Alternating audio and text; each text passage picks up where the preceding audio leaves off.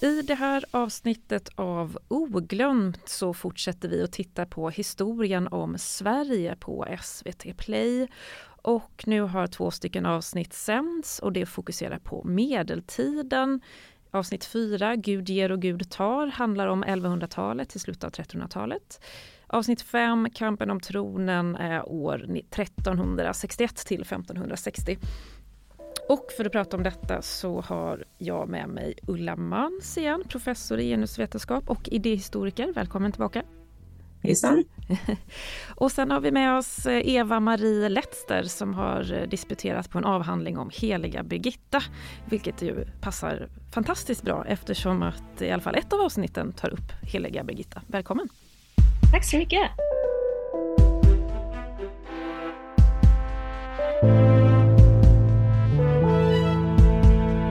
Första frågan då, vad tyckte ni om de här två avsnitten? Har de, har de varit bra? Vill du börja Eva-Marie?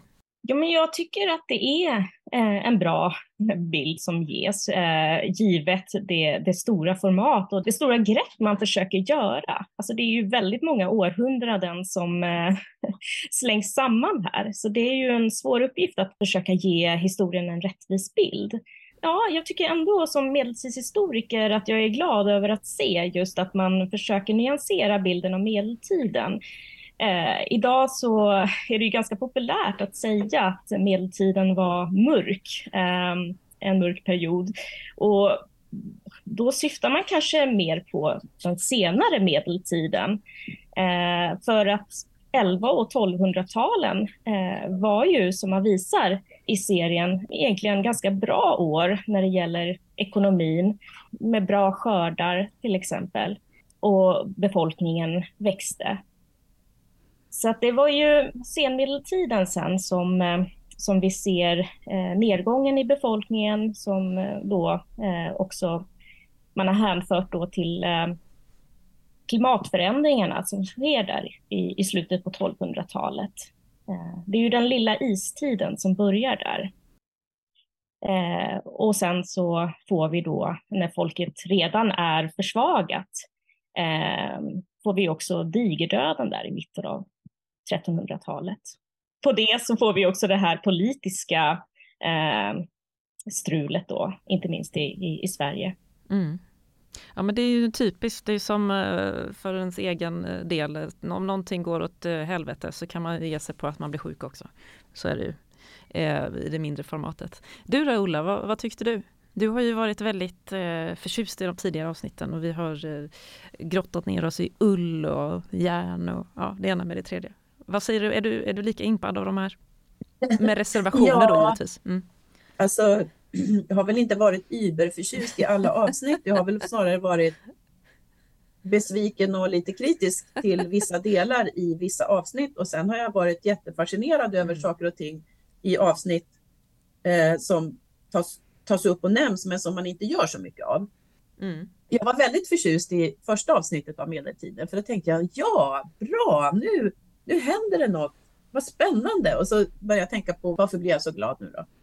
Och det var väl för att det handlade mer om kulturhistoriska sociokulturella eh, fenomen som jag, som, som jag har saknat i de andra avsnitten. Så det var ju väldigt mycket kring religion och, och andra viktiga saker som gjorde att jag tänkte att ja, ah, vad bra. Och sen kom avsnitt två. och då vände det? Och då var vi tillbaka i det här så otroligt konventionella. Men då är min fråga till Eva-Marie, för du sa att, det, att, de, att de tog upp nya saker. Vad var framförallt i avsnitt två det här som du tyckte att de just hade ansträngt sig att få med lite nytt? För det kanske var det som just gjorde att det blev så spännande och levande. Det var det som jag var väldigt förtjust över. Sen den här kampen om kungakronan eller vad det nu kallades för, den, den är ju så konventionell. Ja. Men jag tror att jag håller med dig där Ulla. Jag blir så glad när du säger det. Eftersom att du är professor så känner jag att ja, men då hade jag kanske lite rätt då. Eftersom att den här eh, medeltidsavsnittet som är det tidiga, det börjar ju liksom i kyrkan och det börjar inte med strid utan det börjar med liksom dramatik på ett annat sätt. Och det är snyggt filmat och det är skitbra musik. Då känner jag så här, wow det här programmet är ju häftigt. Så kanske är det så att det var ett, ett lite roligare avsnitt. Sen älskar jag den här medeltida konsten och tycker de här kyrkorna är häftiga. Eh, det finns ju på Historiska museet de här altarskåpen och just det här den här kyrkan eh, i Vadstena som de avslutar eh, avsnittet med. Där har jag varit och, och fick själv den här eh, historiska härliga känslan som du har beskrivit Ulla när man är någon, på en fantastisk mm. plats. Liksom, att man känner så, oh, historia. Men de får ju med mycket som är viktigt. Det var därför jag ställde den här frågan till Eva-Marie. För de tar ju upp med läkekonsten, de tar upp eh, eh, hur de här kungarna blir starkare, man börjar införa tullar och skatter. Eh, och sen tycker jag att de gör det väldigt bra kring pesten det blir konkret hur otroligt hårt och stort den slog. Och jag tror att det är viktigt idag när vi har genomgått en global pandemi att visa på dimensionerna. Också. Men jag är fortfarande nyfiken på Eva-Marie vad de fick med som var lite nytt. Det var väl mest första delen där eh, med eh, 11 och 1200-talet när man pratar om den här högkonjunkturen som var när man började få, få igång eh, masugnarna när befolkningen eh, ökar. Eh, och den stabilisering som sker också i och med den kyrkliga organisationen som kommer på plats med klostren som byggs upp. Eh, det är ju mycket, det är ju under en tid där, där kungamakten är väldigt svag, men där kyrkan skapar en stabilitet eh, och en kontinuitet också den positiva delen av eh, medeltiden tyckte jag var bra att man lyfte fram. Som en kontrast till det som, som hände senare. Eh, den senare delen. Som, som präglas då av eh, ja, missväxt och politiska maktkamper. Och död i form av återkommande pestepidemier. Vad var det du uppfattade som så liksom, tradigt konventionellt då, Ulla? Ja, det är väl att det, det var, hade bara det perspektivet mm. avsnittet igenom. Det är klart att det här är stora, omvälvande, jätteviktiga händelser, men det, det hade ju enbart detta fokus. Mm. Jag, jag, kände ju själv att när Gustav Vasa kom in i bilden så blev jag så här matt. Att det blir, åh oh nej, nu kommer det här kungaberättandet igen och den här typen av historieskrivning som många är trött på det som jag reagerade på i just det avsnittet var ju hur mycket man skar bort av de här politiska maktkamperna. Sten Sture den äldre nämndes bara vid namn en enda gång. Vi hoppade helt över eh, kung Karl och Karlskrönikan. Som, eh, han var ju en maktspelare, kung Karl, på andra halvan av 1400-talet. Eh, och sen har vi också Sten Sture den yngre så alla de spelarna eh, hoppar man ju lite grann över och säger bara lite i förbigående att ja, det var ett eh, struligt århundrade, 1400-talet. Eh, så vi, vi går direkt eh, fram till eh, eh, Christian då, den kända Christian Tyrann och maktkampen med Gustav Vasa då. Mm. Och andra oerhört viktiga saker svischar sig förbi väldigt snabbt också de tidigare avsnitten har ju tagit upp väldigt mycket om sånt som rör kommunikation, handel, idéutbyte och, och liknande saker. Det kommer ju med här, men väldigt lite då i den här eh, kampen om, om kronan. Eh, även om det nämns, men det hade kunnat göras större eh, utläggningar kring vad det betydde med att Bibeln översattes, boktryckarkonsten, Uppsala universitet i sitt även om det var väldigt litet när det bildades och alltihopa det här. Eh, så det är väl mer att det var väldigt stort fokus på Gustav Vasa och hur det gick till att han blev kung. Ja, jag tror att det har att göra med att Gustav Vasa satte punkt på många sätt för eh, de här maktkamperna, att det blev en större stabilitet med honom. Man vill ju ofta berätta om det som eh, har inneburit förändringar som har bestått framåt. Och det är ju om man talar om eh, kung Karl och eh, de andra maktspelarna, de förde inte med sig så mycket som blev bestående på samma sätt som Gustav Vasa. Ehm, så jag förstår att man väljer ut honom ehm, på det sättet också. Ja men som tv är det ju såklart bra. Jag tyckte det var roligt att se liksom redan i de första bilderna hur de klipper liksom hans ikoniska lugg där liksom Gustav Vasa och hans, liksom, ja, hans blonda, vad är det, parsliknande frisyr, den har man ju sett på, på kort höll jag på att säga. Men liksom, där har man ju sett tavlor och att de har liksom gjort den här återskapat en av hans liksom dräkter där va, som man har sett också på, på målningar och så.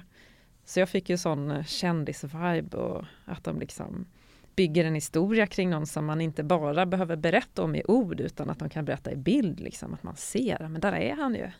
Och att man, eh, ja, jag tyckte ändå det var lite läckert alltså, måste jag säga. Även om jag tröttnade eh, i längden. Jag har ju lite svårt för de här historiska dokumentärerna som kretsar så oerhört mycket kring krig och slag och, och död liksom och svärdshugg och sånt. Det tycker jag är lite, ja. Någonting som kom med däremot som jag blev glatt överraskad av i de tidigare avsnitten har ju jag tyckt det varit spännande med eh, den här teknikutvecklingen som går parallellt med den kulturella utvecklingen. Så nu kom ju de här bergsmännen med då, Bergslagen och järnmalmen in igen. Och då fick jag också rent historiskt ihop med Gustav Vasa, plus att det här teknikhistoriska kom upp. Så det, det, det ska jag ge programmet en eloge. Alltså jag måste ju säga Ulla, när jag såg Bergsmännen så tänkte jag ju på dig genast, tänkte jag, åh det här kommer Ulla Mans tycka om, för det har du ju pratat om i tidigare avsnitt. Ja, där.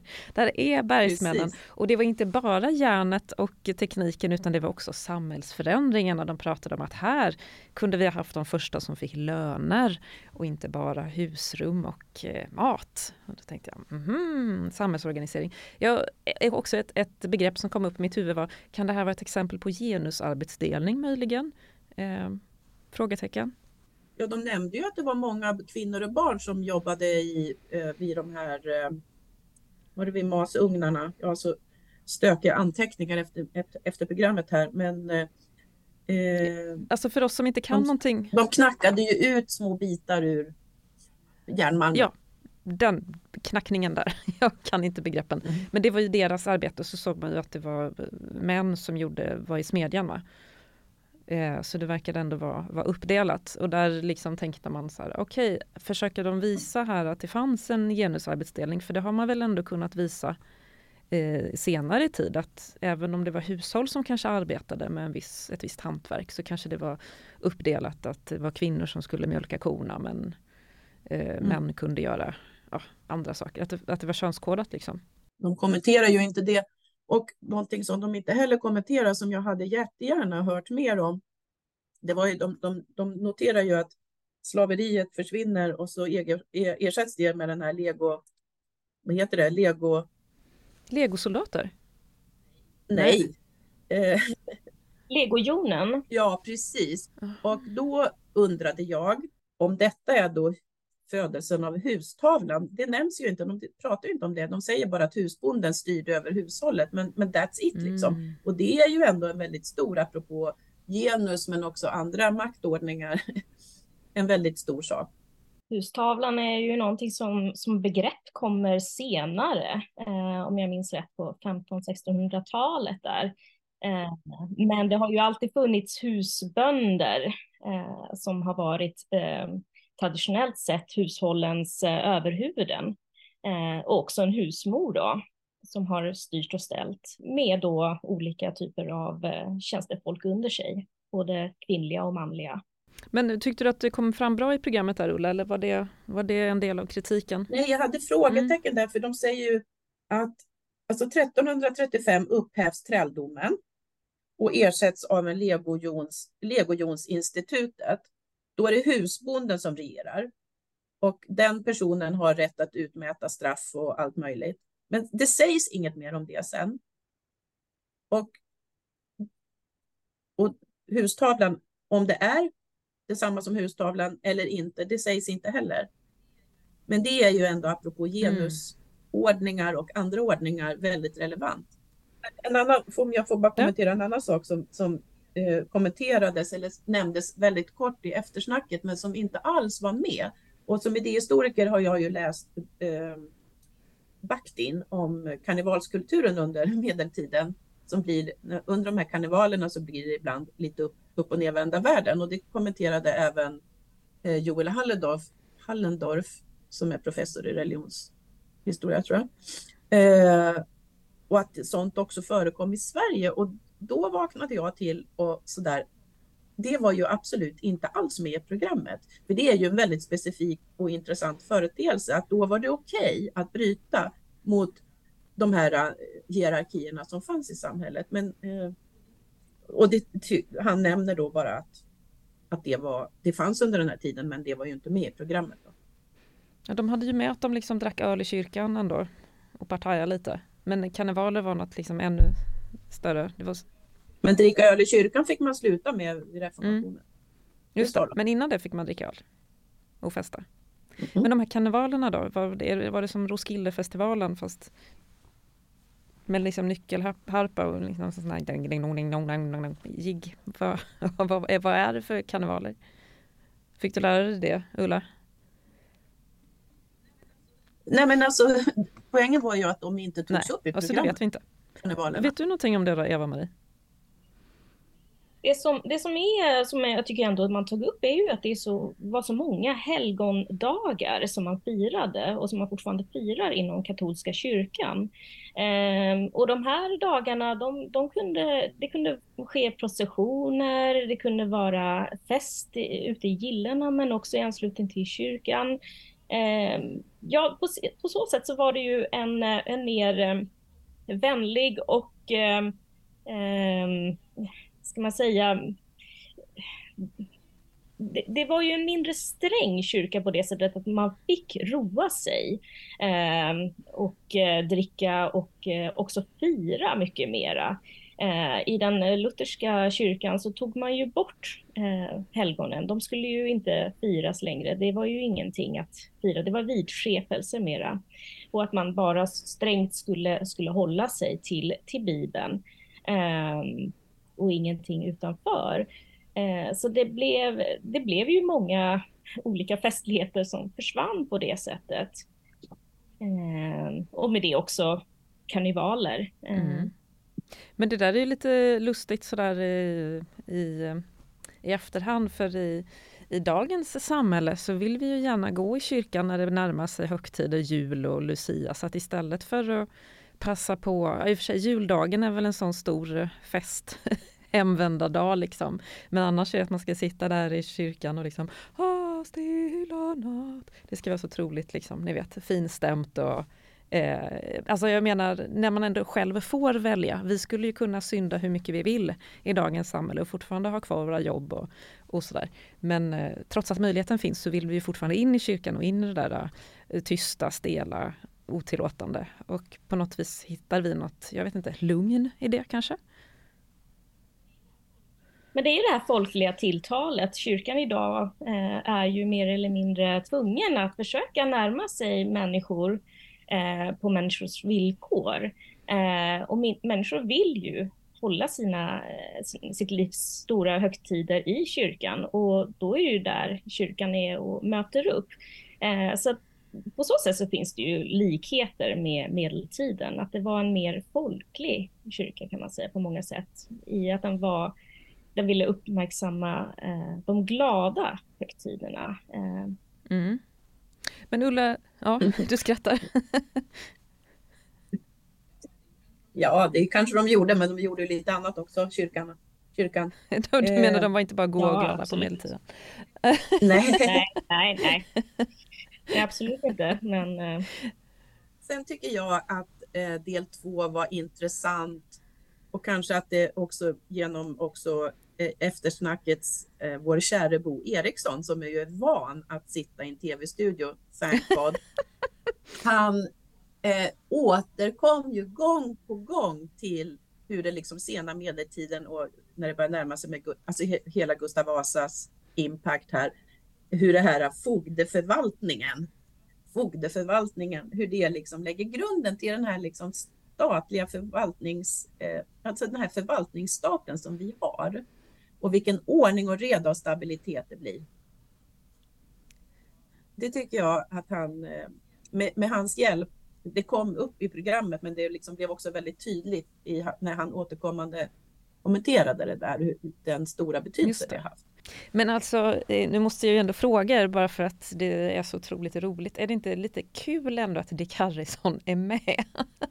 För att jag tycker det känns som att de har gjort så mycket i de här avsnitten, historien om Sverige, att gå liksom lite utanför alla de här namnen som man brukar se. De har ju verkligen tagit in många forskare och det är olika namn och det är några nya namn. Men banne mig, Dick Harrison måste vara med. Annars är det inte ett historieprogram. tänker, de vågar inte liksom hoppa över honom, men de har inte heller gjort honom så central som han ofta är i de här dokumentärerna. Och han sitter ju där och förklarar, ja, och då tar man ett tionde från kyrkan och det fungerar. Och då blir jag lite fnissig för att jag tycker han är så, ja, det är liksom en lustig eh, karaktär tycker jag. Eh, och det, ja, det är lite dubbelt tänker jag att de tar med honom för att om de vill göra någonting nytt så borde han ju inte vara med. Men å andra sidan, man kanske inte kan göra ett historieprogram på SVT utan Dick Harrison. Då kanske det skulle bli ett himla rabalder. Ja, vad tyckte ni? Ni bryr er inte. Men det, må, det, var väl ändå lite lustigt, var det inte det? De har ju ansträngt sig och tagit in så många eh, som inte har liksom, är helt sönderkörda på tv. Och sen... Jag tycker den stora vitsen med de här personerna som kommer in kort och kommenterar att det är väldigt olika, eh, att det är väldigt många olika forskare. Och de kommenterar lite olika saker som de eh, mestadels kan väldigt mycket om, så man får liksom ett djup i det samtidigt som det är väldigt kort.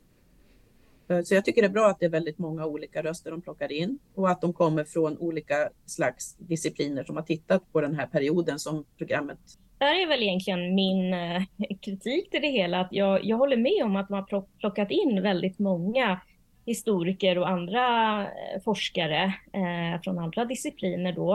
Eh, men jag tycker väl att man använder de här forskarna på, ja, på ett sätt som eh, lite grann förminskar dem.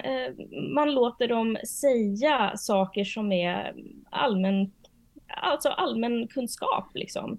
Eh, medan det de, det de verkligen eh, har forskat på och kan eh, och är riktigt duktiga på, det tycker jag mer sällan kommer fram. Men det har väl också med att göra eh, att man har, försöker ta det stora greppet och att man inte hinner med eh, och fördjupa sig så mycket. Så um, ibland så är det så att berättarrösten säger någonting och sen så tar man ett klipp med kanske två eller tre meningar från en expert som får säga ungefär samma sak som, som berättaren redan har sagt. Um, och då undrar jag där om man inte skulle kunna gjort det där på något annat sätt. Jag lärde mig något nytt spännande som kanske alla som håller på med medeltiden vet uh, i det första medeltidsavsnittet. Uh, eller i eftersnacket där. Därför att då skulle den där skojige sidekicken prata väldigt mycket om stegling. Och de, att de var så grymma på medeltiden. Var på Annika Sandén, tror jag hon heter, som är historiker på Stockholms universitet, säger vänligt men tydligt, vänligt och tydligt att de allra flesta eh, kontroverser som kom till tinget löstes Precis. Det var väl oerhört intressant om man ställer det mot den här konventionella bilden av mm. den mörka medeltiden när det var ond, mm. bråd död och svåra sjukdomar. Just det. Steglingen var liksom någon slags hot, eller hur? Att man skulle avskräcka att begå inte de här brotten för då skulle det kunna steglas men i verkligheten så kanske man inte vill stegla sin egen befolkning utan lösa konflikter och få människor att fortsätta eh, fungera. Ja, nej men eh, jag, jag, jag, saknar ju själv där liksom de här eh, eh, de här längre berättelserna, att det, det som är lite kul med medeltiden och de här steglingsbestraffningarna, det är ju att man, att man sen övergår från kroppsstraff till den här eh, inre disciplineringen istället, alla Michel Foucault. Eh, men nu får vi liksom vänta flera veckor innan den långa bågen dras. Eh, Eh, där kände jag att jag blev lite rastlös, att jag kände så, oh, det här är som ett superpedagogisk chans att förklara Michel Foucault på ett snabbt och kul sätt. Liksom. Att, eh, ja. Så du tror att de kommer ta det greppet sen? Var det en retorisk fråga? ja, jag tror inte de kommer dra upp eh, Michel Foucault. Eh, det var ju absolut inga filosofer eller någonting som omnämndes, men kanske ändå att de ändå förklarar förändringen möjligen. Att nej, nej. Det är, för, det är att hoppas på för mycket. Jag ser fram emot när de ska behandla drottning mm. Kristina. Och eh, den tiden som kommer sen. Vi får ju vänta några veckor för nu ska det ju vara juluppehåll. Eh, men eh, det ska bli intressant att se då om de tar upp att hon kallade hit Descartes till Sverige som sen fick lunginflammation och dog för det var så jäkla kallt på Tre Kronor.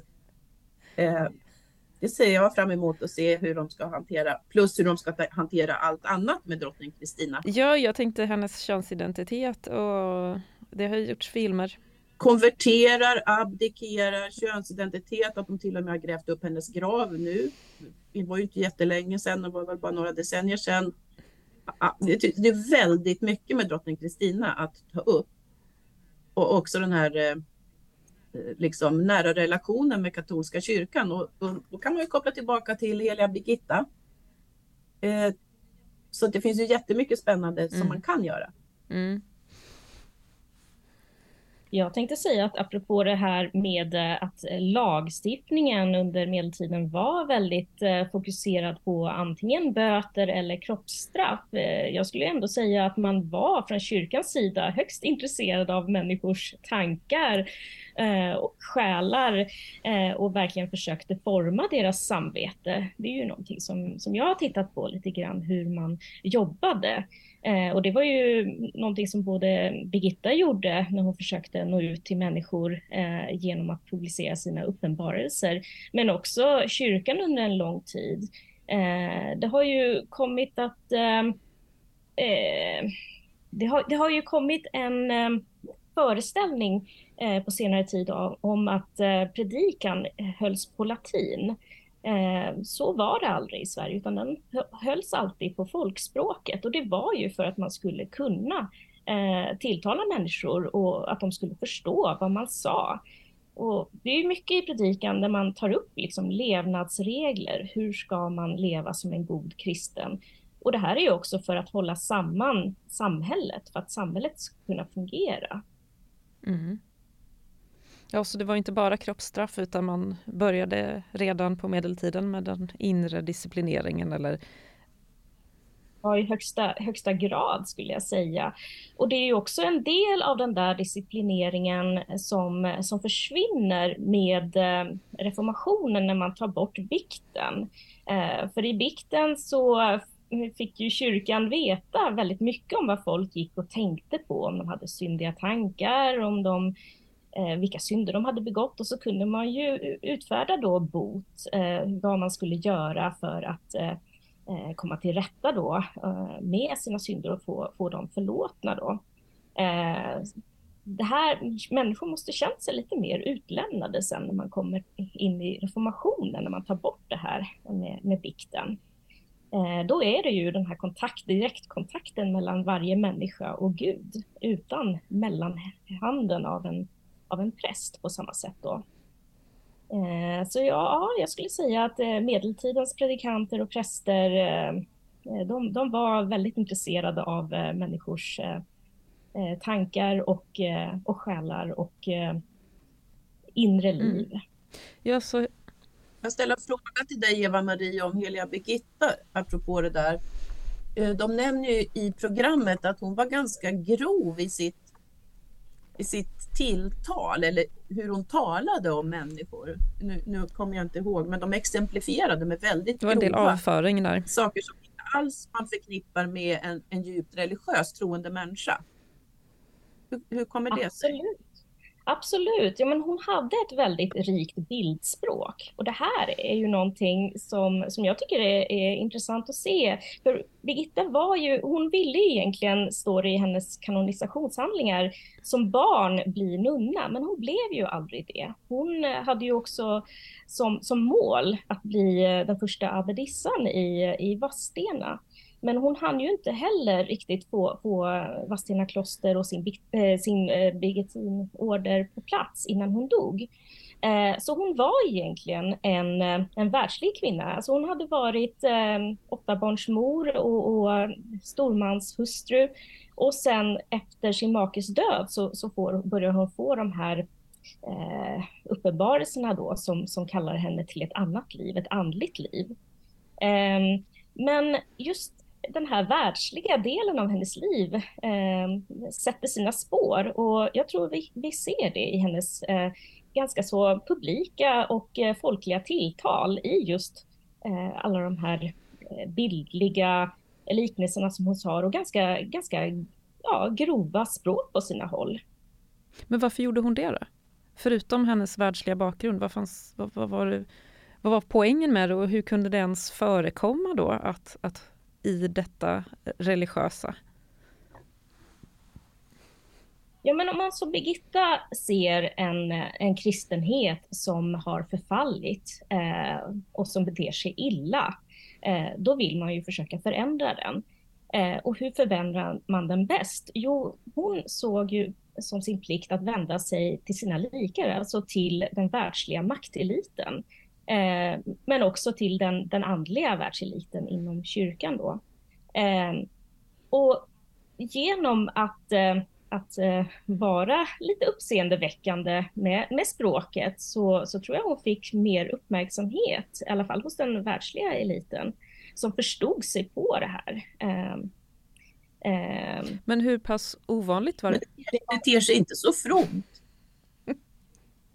Jo, eh, om, om det är någonting som är väldigt syndigt så ska man ju kalla det vid dess rätta namn. Det ansåg i alla fall Birgitta då.